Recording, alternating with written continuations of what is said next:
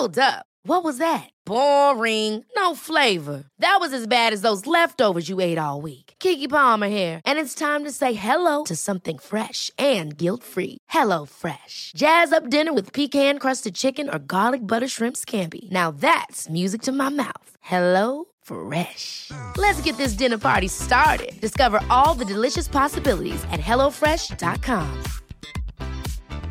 Hi, I'm Daniel, founder of Pretty Litter. Did you know cats tend to hide symptoms of sickness and pain? I learned this the hard way after losing my cat, Gingy. So I created Pretty Litter, a health monitoring litter that helps detect early signs of illness by changing colors, saving you money and potentially your cat's life. Pretty Litter is veterinarian developed, and it's the easiest way to keep tabs on your fur baby's health right at home. Go to prettylitter.com and use code ACAST for 20% off your first order and a free cat toy. Terms and conditions apply. See site for details. Hey, it's Ryan Reynolds, and I'm here with Keith, co star of my upcoming film, If, only in theaters, May 17th. Do you want to tell people the big news? All right, I'll do it. Sign up now and you'll get unlimited for $15 a month in six months of Paramount Plus Essential Plan on us. Mintmobile.com slash switch. Upfront payment of $45 equivalent to $15 per month. Unlimited over 40 gigabytes per month. Face lower speeds. Videos at 480p. Active Mint customers by 531.24 get six months of Paramount Plus Essential Plan. Auto renews after six months. Offer ends May 31st, 2024. Separate Paramount Plus registration required. Terms and conditions apply if rated PG. Den här podcasten kommer att beröra självmord. Därför varnas känsliga lyssnare. Om du eller någon närstående har tankar på att ta sitt liv, kontakta Självmordslinjen på 901 01 eller gå in på mind.se för att få hjälp och stöd.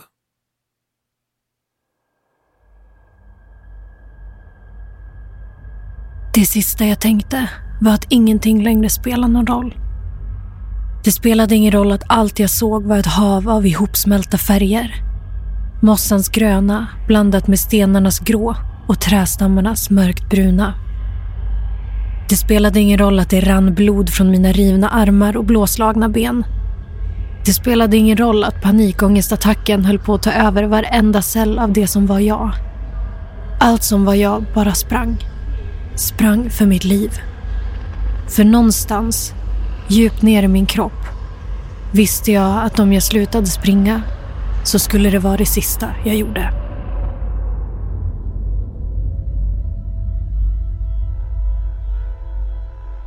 Välkommen till Oförklarligt. Ett program där jag, Mattias Jonsson, Och jag, Evelina Johanna, tar med dig på berättelser om mystiska, märkliga och obehagliga saker som hänt folk över hela världen. Saker som inte alltid går att förklara. I det här avsnittet ska vi prata om den japanska Aokigahara-skogen, eller som den också kallats, självmordsskogen. En plats dit många gått för att dö och som sägs vara hemsökt av osaliga andar. För mig har alltid skogar varit förknippat med glädje och en känsla av frihet. När jag var liten spenderade jag många helger och framförallt sommarloven ute på landet. Jag, min brorsa och min kusin hade alltid något projekt på gång. Ju äldre vi blev, desto djupare in i skogarna letade vi oss. När mörkret började falla på och det var dags för middag var det inte alltid att vi hörde våra föräldrar ropa. Kanske delvis för att vi var uppslukade av våra projekt. Men det finns också något obehagligt över hur skogar har en tendens att stänga ute omvärlden. Som att träden sluter sig runt den.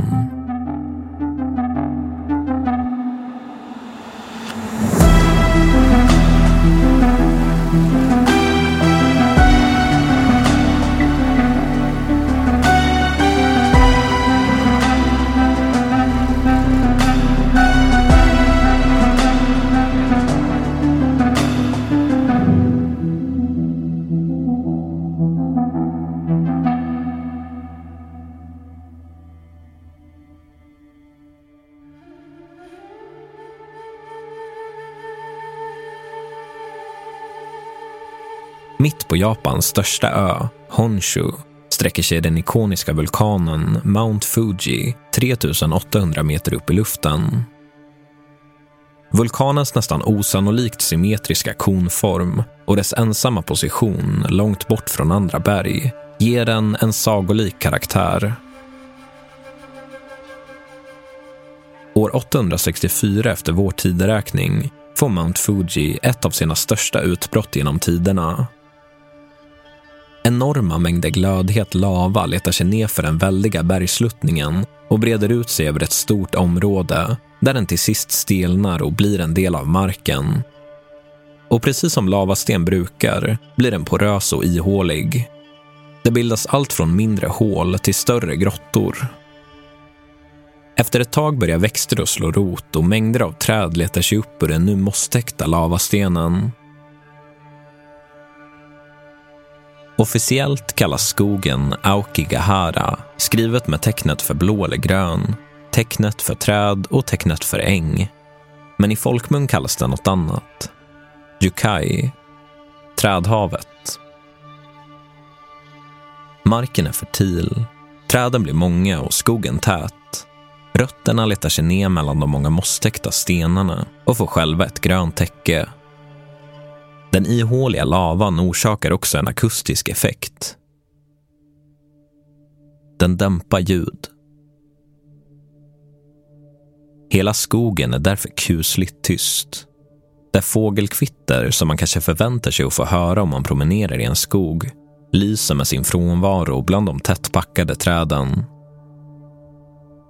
Det kanske inte är så konstigt att den här skogen har haft ett mörkt rykte i århundraden.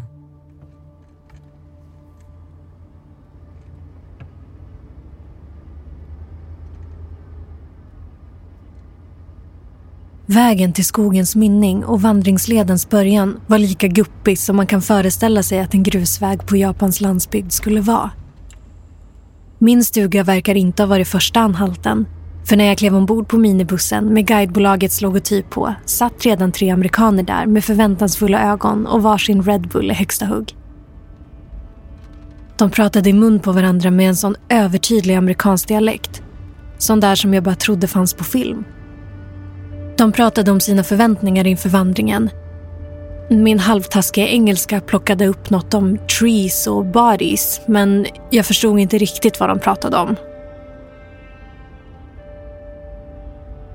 Gårdagens ensamfest i den lilla barackliknande stugan jag hyrt inför resan med en tältsäng och en liten byrå som enda inredning hade gett mig en påminnelse om att jag nog inte ska dricka en hel flaska Suntory whisky själv. Huvudet bultade och munnen var snustorr. Men vad gör man inte för att undgå ångest när tabletterna jag fått utskrivna slutat verka som de ska för länge sedan, tänkte jag. Ändå vägrar läkarna skriva ut starkare. Skitsystem. Jag hoppas verkligen att den här resan ska göra mig så gott som alla säger. Åk iväg själv, det är det bästa du kan göra. Upplev naturen på egen hand, det är så jag hittade mig själv. Bara du kan skapa din egen lycka och så vidare och så vidare och så vidare. Jag var långt ifrån såld på idén att åka utomlands ensam. Än mindre på hela den här hitta dig själv-resan som alla verkar ha gjort och som ska ha betytt så mycket. Hur mycket kan man egentligen ändras av att knata runt i skogen i några dagar? Men jag hade ändå faktiskt lovat mig själv att försöka. Och när jag hittade broschyren om skogen Aokigahara i Japan var det något som sprakade till i mig. Japan har jag faktiskt velat åka till hela mitt sorgliga 32-åriga liv. Jag som aldrig ens lämnat min hemby.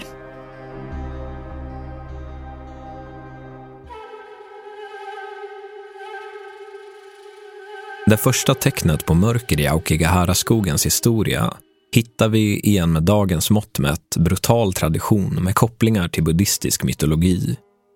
Det sägs att man i svåra tider burit iväg äldre eller sjuka till avlägsna platser som berg eller skogar för att lämna dem åt sin död. Den här ritualen kallas för ubbasute som betyder ungefär att överge en äldre kvinna. Än idag vet man inte om den har utförts på riktigt eller om den bara är hemma i myter och legender.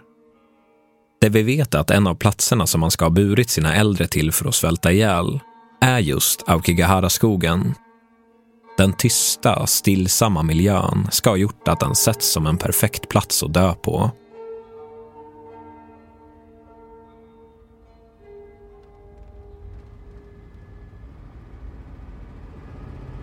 Flaskan med den japanska energidrycken som jag hade tänkt skulle räcka hela dagen slukade jag under de första minuterna av bussresan och nu kunde jag bara stirra ut genom fönstret på naturen som guppade förbi utanför. Plötsligt började amerikanerna vinka hejvilt och en av dem ropade. Jag hajade till och insåg att de nog hade försökt fånga min uppmärksamhet ett bra tag. Den ena skrattade till och frågade vad jag tänker på. Jag svarade lite förstrött att jag bara funderade på vad vi skulle se under dagens vandring i hopp om att konversationen skulle ta slut där. Han stirrade på mig med sina onormalt stora ögon och hans fräkniga näsa rynkade sig lite märkligt när han frågade om jag tror på allt som sägs. Om skogen, om eh, spökena. Jag sneglade försiktigt på dem alla tre som nu satt förväntansfulla över mitt svar. Jag hade ju läst lite grann om att det ryktades om spöken i skogen. Men det var helt ärligt inget jag hade lagt någon vidare tankekraft på.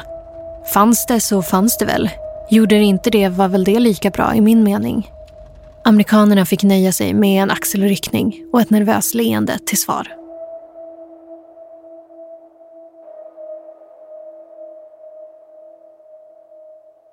Enligt japansk folktro har varje människa en själ, eller en reikon. När en människa dör frigörs själen från den fysiska kroppen, men blir kvar i ett slags mellanläge. För att själen ska ta sig till livet efter detta krävs rätt omständigheter. Kroppen måste begravas och rätt ritualer genomföras för att själen ska få ro och kunna träda in i de dödas land. Väl där kommer själen återförenas med sina förfäder och tillsammans med dem vaka över sina ättlingar. Men alla själar hamnar inte tryggt och säkert bland sina förfäder. Om ritualerna inte utförs på rätt sätt så kommer den dödes reikon att förvandlas till något mörkare. Om en person blir mördad eller begår självmord kommer själen inte att få ro om den döde fortfarande plågas av sorg, hat, avund eller strävar efter hämnd så kommer själen att förvrängas. Då bildas en mörk eller avlägsen själ, en jurei. En jurei är en slags osalig ande som återvänder till den fysiska verkligheten och där kommer den förbli tills orättvisorna har klarats upp eller tills de traditionsenliga ritualerna har genomförts Innan det sker kommer den att hemsöka de levande. Det sägs att jurei hemsöker Aokigahara-skogen. Andar från de som har lämnats i skogen under dödsritualen Ubasute. Man säger att de lever kvar i vinden som viner. Om man lyssnar kan man höra deras skrik i vindpustarna. Det berättas också att andarna slukas av träden och tittar man riktigt noga kan man ana ansikten i barken.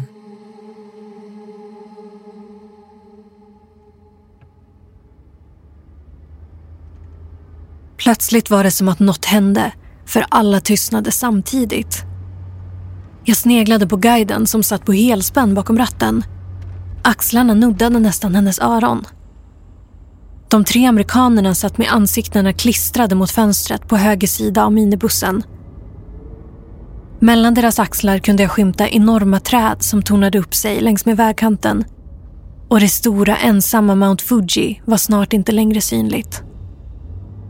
Skogen tätnade allt mer medan vi fortsatte in på en ännu smalare stig.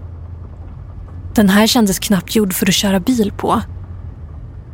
Ett mörker började svepa in över minibussen och snart kunde knappt en enda solstråle tränga igenom de höga träden som stod så tätt intill varandra att de ibland såg ut att sitta ihop. Vi saktade in och körde in på en liten parkering vid en glänta. Vi såg inte ut att vara ensamma för där, prydligt parkerad mitt i den täta skogen, stod en ensam liten röd Toyota.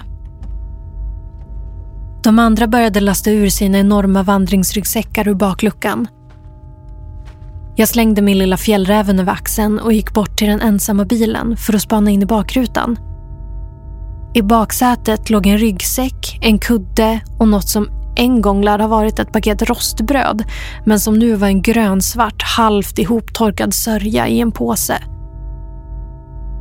Jag tog ett varv runt bilen och såg i ögonvrån att mina amerikanska medresenärer verkade ha fullt upp med att veckla ut sina selfiesticks när jag plötsligt fick syn på en p-bot på instrumentbrädan vid framrutan.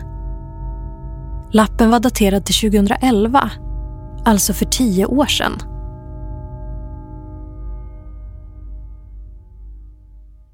De som bor i närheten av Aokigahara-skogen ser den som farlig och behandlar den med aktning. Föräldrar målar upp en bild av skogen som läskig och lär sina barn hålla sig borta. Och det är inte så konstigt. Även om man helt bortser från de mörka legenderna så kan faktiskt skogen i sig utgöra en fara. Skogen är som sagt väldigt tät och svår att ta sig fram i. På många ställen utgörs marken bara av stenar och rötter.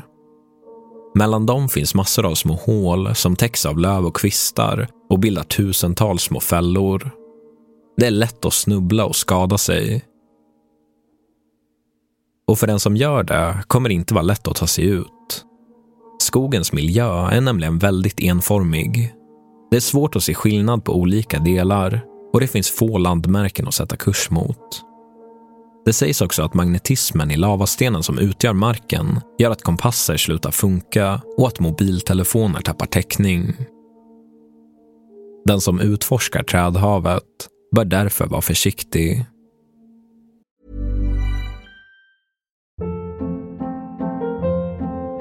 Hold up. What was that? Boring. No flavor. That was as bad as those leftovers you ate all week. Kiki Palmer here, and it's time to say hello to something fresh and guilt-free. Hello Fresh. Jazz up dinner with pecan-crusted chicken or garlic butter shrimp scampi. Now that's music to my mouth. Hello Fresh. Let's get this dinner party started. Discover all the delicious possibilities at hellofresh.com. Hey, it's Ryan Reynolds, and I'm here with Keith, co star of my upcoming film, If, only in theaters, May 17th. Do you want to tell people the big news?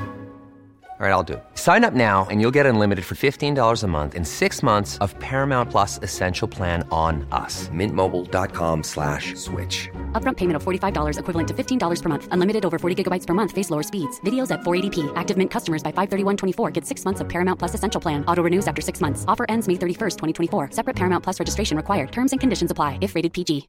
Hi, I'm Daniel, founder of Pretty Litter. Cats and cat owners deserve better than any old fashioned litter. That's why I teamed up with scientists and veterinarians to create Pretty Litter. Its innovative crystal formula has superior odor control and weighs up to 80% less than clay litter. Pretty Litter even monitors health by changing colors to help detect early signs of potential illness. It's the world's smartest kitty litter. Go to prettylitter.com and use code ACAST for 20% off your first order and a free cat toy. Terms and conditions apply. See site for details.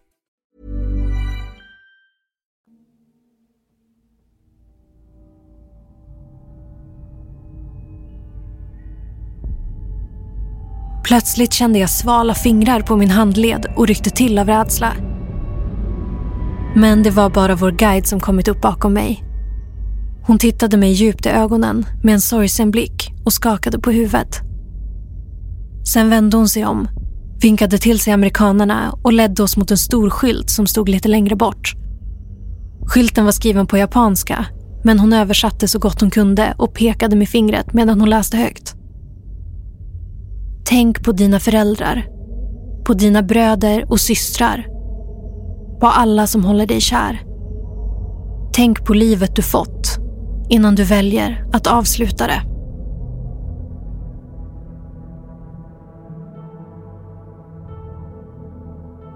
Vid ingången till Aokigahara-skogen har man placerat ut skyltar som avråder människor från att ta sina liv.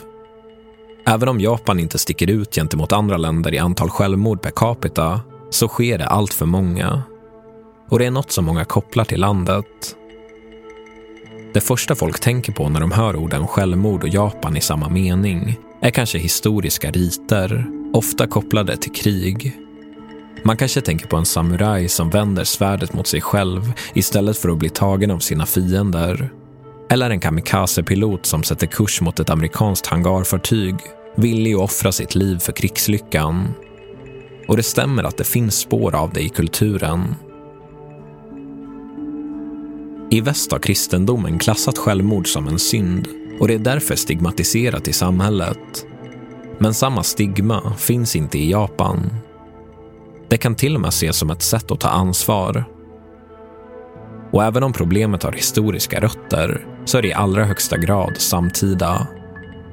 Vissa menar att det höga trycket på både skolor och arbetsplatser är en bidragande faktor. Andra pekar på att det finns för få möjligheter att prata ut om det man känner.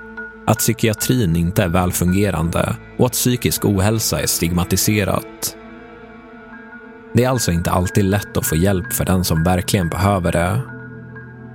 Problemet är oerhört komplicerat och det är viktigt att komma ihåg att det inte finns en entydig orsak. Det är också ett problem bland äldre, särskilt de med ekonomiska svårigheter. Självmord blir då en utväg ur problemet. En utväg som dessutom kan förse familjen med försäkringspengar. Vissa ser det till och med som en modern form av ubbasute. Den mytomspunna ritualen där det sades att de äldre skickades iväg för att dö.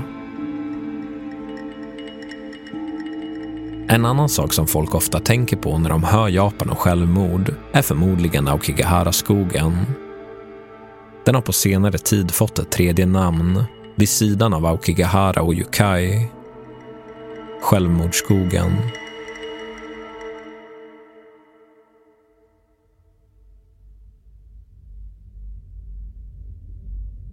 En klump började formas i min mage och jag försökte gå tillbaka i minnet till broschyren om Aokigahara-skogen och vad jag visste om den. Jag mindes att skogen kallades Yukai, eller trädens hav, på grund av sin extrema täthet. Naturen skulle vara enastående vacker och eftersom skogen växer helt på förstenad lava från Mount Fuji-vulkanen skulle det finnas gömda grottor som är fyllda av is året om. Och spökena mindes jag, i alla fall lite vagt. Men mer kunde jag inte komma ihåg. Hade inte de andra också kommit hit för naturupplevelsen? Vad betydde skylten? Amerikanerna fotade hejvilt med uppspärrade ögon och viskade sinsemellan om hur coolt det var att äntligen få se skylten de läste om på internet. Guiden, som jag hört en av amerikanerna kalla Yukiko, stack ner handen i en läderpåse som hängde i hennes bälte och fiskade upp en liten burk. Hon såg djupt oroad ut och hennes annars släta panna hade nu fått djupa rynkor. Den där olustiga klumpen av oro växte i min mage utan att jag riktigt förstod varför. Efter lite fipplande fick guiden Yukiko upp locket på den lilla burken och började hälla ut små mängder salt i våra händer. Sen hällde hon upp någon slags dryck i små muggar som hon delade ut till var och en av oss. Trots att både hennes och min egen engelska var halvdan förstod jag att hon ville att vi skulle svälja saltet och sen svepa i oss drycken. Den smakade beskt och under hela det som jag antog var en ritual rabblade guiden Yukiko något som nästan lät som en bön. Mina amerikanska vänner verkade rätt oberörda av både ritualen och Yukikos stegrande oro. De passade på att fota varandra medan vår guide rabblade sina böneord. Så tystnade guiden tvärt och tog ett djupt andetag. Hon stod helt stilla en stund och bara blundade. När hon öppnade ögonen igen tittade hon på oss, var och en, djupt i ögonen. Som om hon ville förmedla något. Sen nickade hon högtidligt, vände sig om och började gå förbi skylten in på stigen som markerade början på vår vandring. Amerikanen med den fräkniga näsan gick först efter Yukiko. Sen de två andra amerikanerna och sist jag. Innan den täta skogen slukade det vi lämnat bakom oss såg jag en sista glimt av den ensamma röda Toyotan på parkeringen. Klumpen i magen växte sig ännu lite större. Till slut försvann den röda lacken ur synhåll. Inget syntes längre. Inget förutom skog.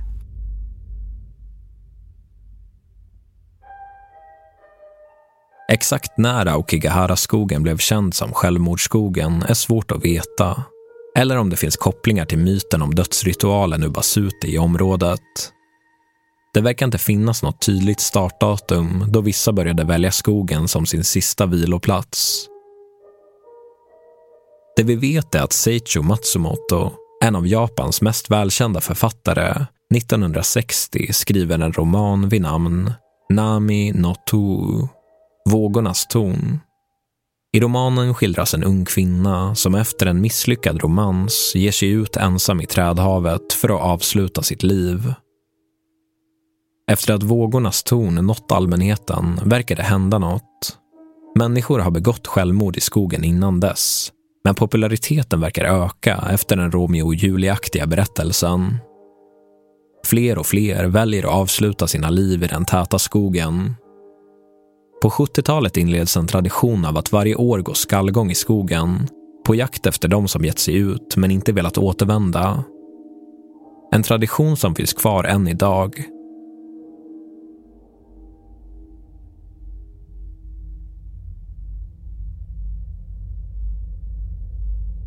Det dröjde inte långt in på vandringen innan vi stannade till jag som gick sist i ledet var fullt upptagen med att försöka lista ut vad jag hade missat som de andra verkade ha som koll på. Skogen, skylten och vår guide Yukikos märkliga ritual. Samtidigt funderade jag på hur jag skulle kunna hitta mig själv och om jag lyckades med det, vad var det jag skulle hitta? Dessutom började jag bli riktigt kissnödig efter att ha druckit den där energidrycken i minibussen. Mina tankar avbröts när jag såg hur de andra flockades runt ett träd som Yukiko ställt sig bredvid. Amerikanerna hade tystnat och det enda som hördes var det klickande ljudet från deras telefoner när de tog bilder. Det tog en stund innan jag såg vad det var de fotade. I en av trädets grenar hängde ett rep. Det såg ut som att någon hade skurit av änden på det med en slökniv Yukiko stod ett tag bredvid repet och betraktade det och pekade sen på ett par nötta skor som stod på marken under grenen. Hon slöt ögonen och höll en tyst minut. Ljudlösheten runt henne, runt oss, var nu så påtaglig att den nästan gick att röra vid.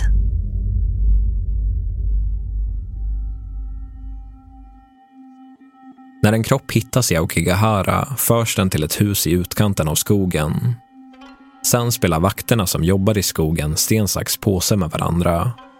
Den som förlorar får ett obehagligt uppdrag. Att sova i samma rum som den avlidna. Man tror att om kroppen lämnas ensam så kommer dess jurei, dess osaliga ande, att härja fritt i området.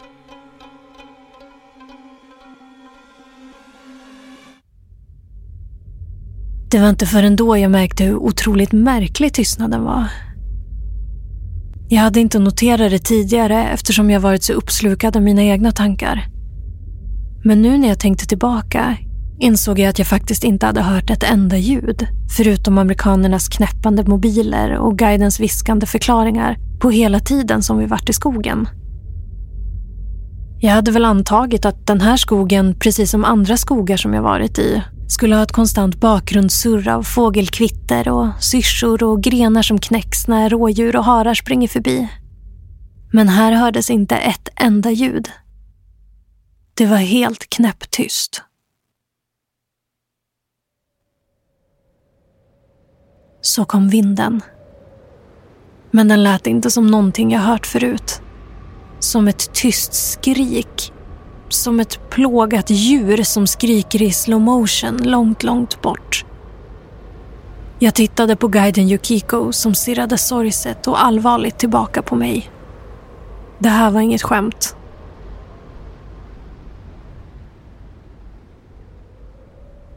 Efter några timmars vandring på den smala stigen Yukiko var väldigt noga med att vi aldrig fick lämna stigen stannade vi till vid en liten bäck vi satte oss ner för att vila och dricka vatten.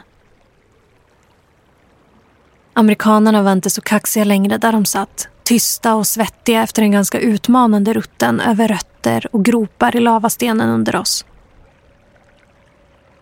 Efter att vi lämnat det första trädet med repet och de övergivna skorna hade vi sett flera plånböcker, en kartbok och ett ensamt hopsjunket tält. Allt till synes övergivet i den dunkla skogen. De andra började snart småprata sinsemellan medan de svalkade fötterna i bäcken. Men min blåsa, som tryckt ända sedan jag svept den där flaskan med energidryck under morgonens bilfärd, kunde inte riktigt hålla sig längre. Jag la telefonen i fickan och vinkade åt de andra utan att riktigt veta om de såg mig. Ah, jag ska ju inte vara borta särskilt länge, tänkte jag och smög iväg med några servetter i handen. Blyg som jag är ville jag komma bort en bit från de andra så jag gick runt ett tag tills jag hittade en lagom stor buske att sätta mig bakom. Jag måste ha hukat mig på något konstigt sätt för när jag reste mig igen hade foten hunnit somna. Jag stapplade runt ett tag och försökte stampa liv i foten igen innan jag gick tillbaka mot bäcken och de andra. Men när jag till slut nådde en glänta efter att ha gått tillbaka längs vägen jag kommit ifrån fanns där ingen bäck. Inga amerikaner och ingen guide. Svetten började pärla sig i pannan. Jag måste ha gått fel bara, tänkte jag och stegade tillbaka till min kissplats bakom busken. Jag gjorde ett nytt försök och gick tillbaka. Men igen, ingen bäck, inga amerikaner, ingen guide. Paniken började växa i halsen och det bekanta ångestpåslaget studsade i magen. Jag satte mig ner på en sten och försökte ta några djupa andetag. De måste ju vara här i närheten, så långt bort gick jag ju inte, tänkte jag. Och inte skulle de väl lämna mig här? Vart fan var den där jävla bäcken? Min logiska hjärnhalva kämpade med att försöka greppa vad som höll på att hända. Så kom jag på att jag hade tagit med mig telefonen. Jag försökte trixa fram den ur fickan. Fan, den sitter fast. Okej, okej nu så. Mumlade jag för mig själv. Jag försökte få upp skärmlåset, men fingrarna slant och jag fick börja om. Till slut lyckades jag manövrera mig förbi låsskärmen och mitt ansikte lystes upp av mina välbekanta appikoner. Fan, fan, fan, helvetes jävla fan, ingen täckning. Jag startade om telefonen, ställde mig på en sten och sträckte upp handen mot himlen för att försöka återfå täckningen. Men hur mycket jag än viftade och flängde med armen förblev telefonen lika tyst som resten av skogen. Inga pluppar. Jag satte mig på marken. Allt kändes tungt, som att gravitationen drog i mig lite för hårt ner mot den steniga massan under mig. Klockan visade 16.43. Klockan 18 var planen att vi skulle åka tillbaka. Jag hade alltså lite mer än en timme på mig att hitta tillbaka till parkeringen, till vår minibuss och den röda övergivna Toyotan. För trots att vi hade vandrat i flera timmar hade Yukiko sett till att vi aldrig gått för långt ifrån bussen så att vi snabbt kunde ta oss därifrån ifall något skulle hända. Vad nu det skulle vara. Jag borde hinna, tänkte jag. Så jag reste mig upp och började gå. Kvistarna rev mig i ansiktet och emellanåt snubblade jag på rötter som spretade och stenar som låg utspridda på marken. Det blödde från knät efter något av mina fall och skorna skavde så det brände i hälarna. Ändå tog det förvånansvärt lång tid innan jag märkte att framsidan av min tröja var dyblöt av tårarna som tydligen rann hysteriskt, men tyst, nerför mina kinder. Den täta skogen började bli ännu mörkare än tidigare. Eller inbillade jag mig? Jag rycktes ur mina funderingar av en dov smäll. Ännu en gren som slog mig tvärs över ansiktet. Jag fortsatte djupare och djupare in bland buskar och snår med ett desperat hopp om att jag rörde mig i rätt riktning. De enorma träden täckte fortfarande himlen helt och hållet. Min övertygelse om att jag snart skulle få syn på stigen igen blev allt mindre ju fler trästammar jag tog mig förbi, ju fler snår jag rev mig igenom. Den var som bortblåst, som att den aldrig funnits. Att skrika på hjälp hade jag för länge sedan gett upp. Rösten var hes och halsen sved.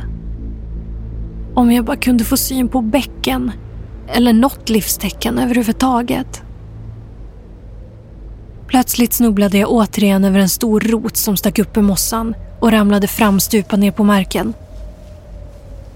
Huvudet landade i något mjukt och när jag trevade med händerna efter något att ta tag i fick jag fatt i några kvistar som låg i en hög under den mjuka gröna mattan som täckte marken omkring mig. Blicken flackade och världen snurrade Det tog en stund innan jag lyckades ta mig upp i en sittande position för att se vad det var jag hade landat på. Det första jag kunde urskilja var något rött. En stickad tröja. Förvirrat tittade jag mig omkring och insåg att det inte bara var en tröja. Det var en del av någon slags uniform. En rutig kjol låg intill och på en sten stod ett par mörkblå läderskor prydligt uppställda med varsin strumpa istoppad. Jag drog förskräckt efter andan och satte handen bakom mig som stöd. Där kände jag återigen högen med kvistar. Men så insåg jag, det var inte alls några kvistar. Det var en hög med små ben, som från ett barn. Halsen brände till när jag vände upp blicken för att slippa se. Då lade jag märke till snaran som hängde i grenen ovanför mig. Jag skrek rakt ut. Pulsen stegrade och jag försökte febrilt ta mig upp på fötter igen. Andan satt högt i halsen. Jag hyperventilerade nu. Träden omkring mig växte sig större och mörkare. Sakta började urskilja något i barken. Avbilder av ansikten insjunkna i de skrovliga stammarna. Vinden ven och det makabra skriet etsade sig fast i öronen som en tinnitus jag visste att jag aldrig skulle bli av med.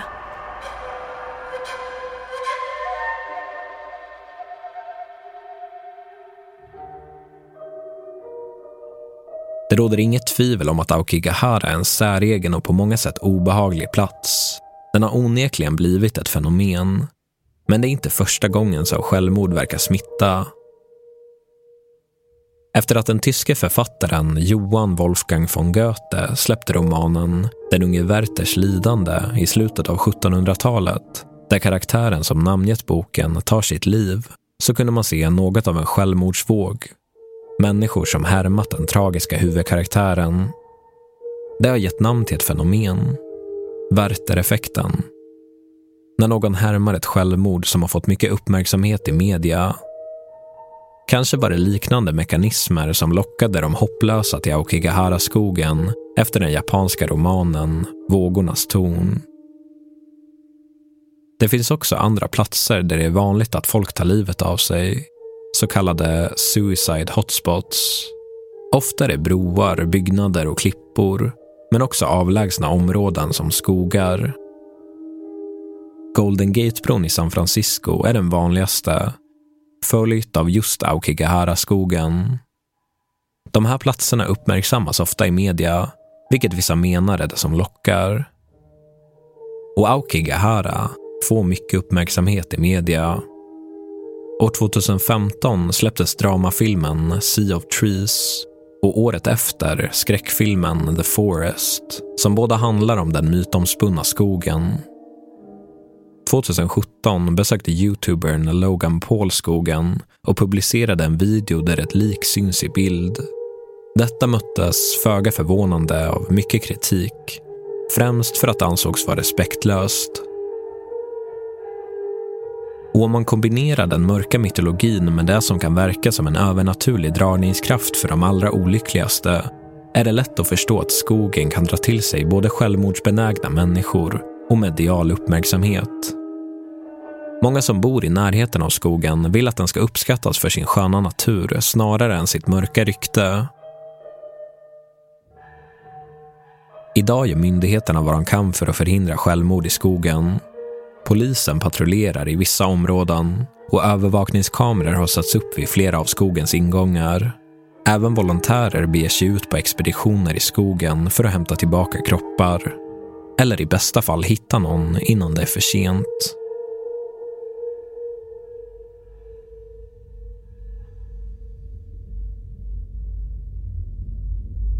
Det sista jag tänkte var att ingenting längre spelade någon roll. Det spelade ingen roll att jag glömt skicka vykort till mamma och pappa eller att jag glömt ta bilder till Instagram. Det spelade ingen roll att allt jag såg var ett hav av ihopsmälta färger. Mossans gröna blandat med stenarnas grå och trästammarnas mörkt bruna. Det spelade ingen roll att det rann blod från mina rivna armar och blåslagna ben. Det spelade ingen roll att panikångestattacken höll på att ta över varenda cell av det som var jag. Faktum är att ingenting kanske någonsin Ever catch yourself eating the same flavorless dinner three days in a row? Dreaming of something better? Well, HelloFresh is your guilt-free dream come true, baby. It's me, Gigi Palmer. Let's wake up those taste buds with hot, juicy pecan-crusted chicken or garlic butter shrimp scampi. Mm. Hello Fresh. Stop dreaming of all the delicious possibilities and dig in at HelloFresh.com. Let's get this dinner party started. Hi, I'm Daniel, founder of Pretty Litter. Cats and cat owners deserve better than any old fashioned litter. That's why I teamed up with scientists and veterinarians to create Pretty Litter. Its innovative crystal formula has superior odor control and weighs up to 80% less than clay litter. Pretty Litter even monitors health by changing colors to help detect early signs of potential illness. It's the world's smartest kitty litter. Go to prettylitter.com and use code ACAST for 20% off your first order and a free cat toy. Terms and conditions apply. See site for details. hade spelat någon roll. Nu, till slut, fanns det ingen kapacitet kvar i min kropp att tänka och fundera. Allt som var jag bara sprang. Sprang för mitt liv. För någonstans djupt ner i min kropp visste jag att om jag slutade springa så skulle det vara det sista jag gjorde. Någonstans inuti mig fanns en känsla av att det kanske var så här det var menat att bli. Och att nästa ihåliga skrik som ekade i vinden skulle vara mitt egna.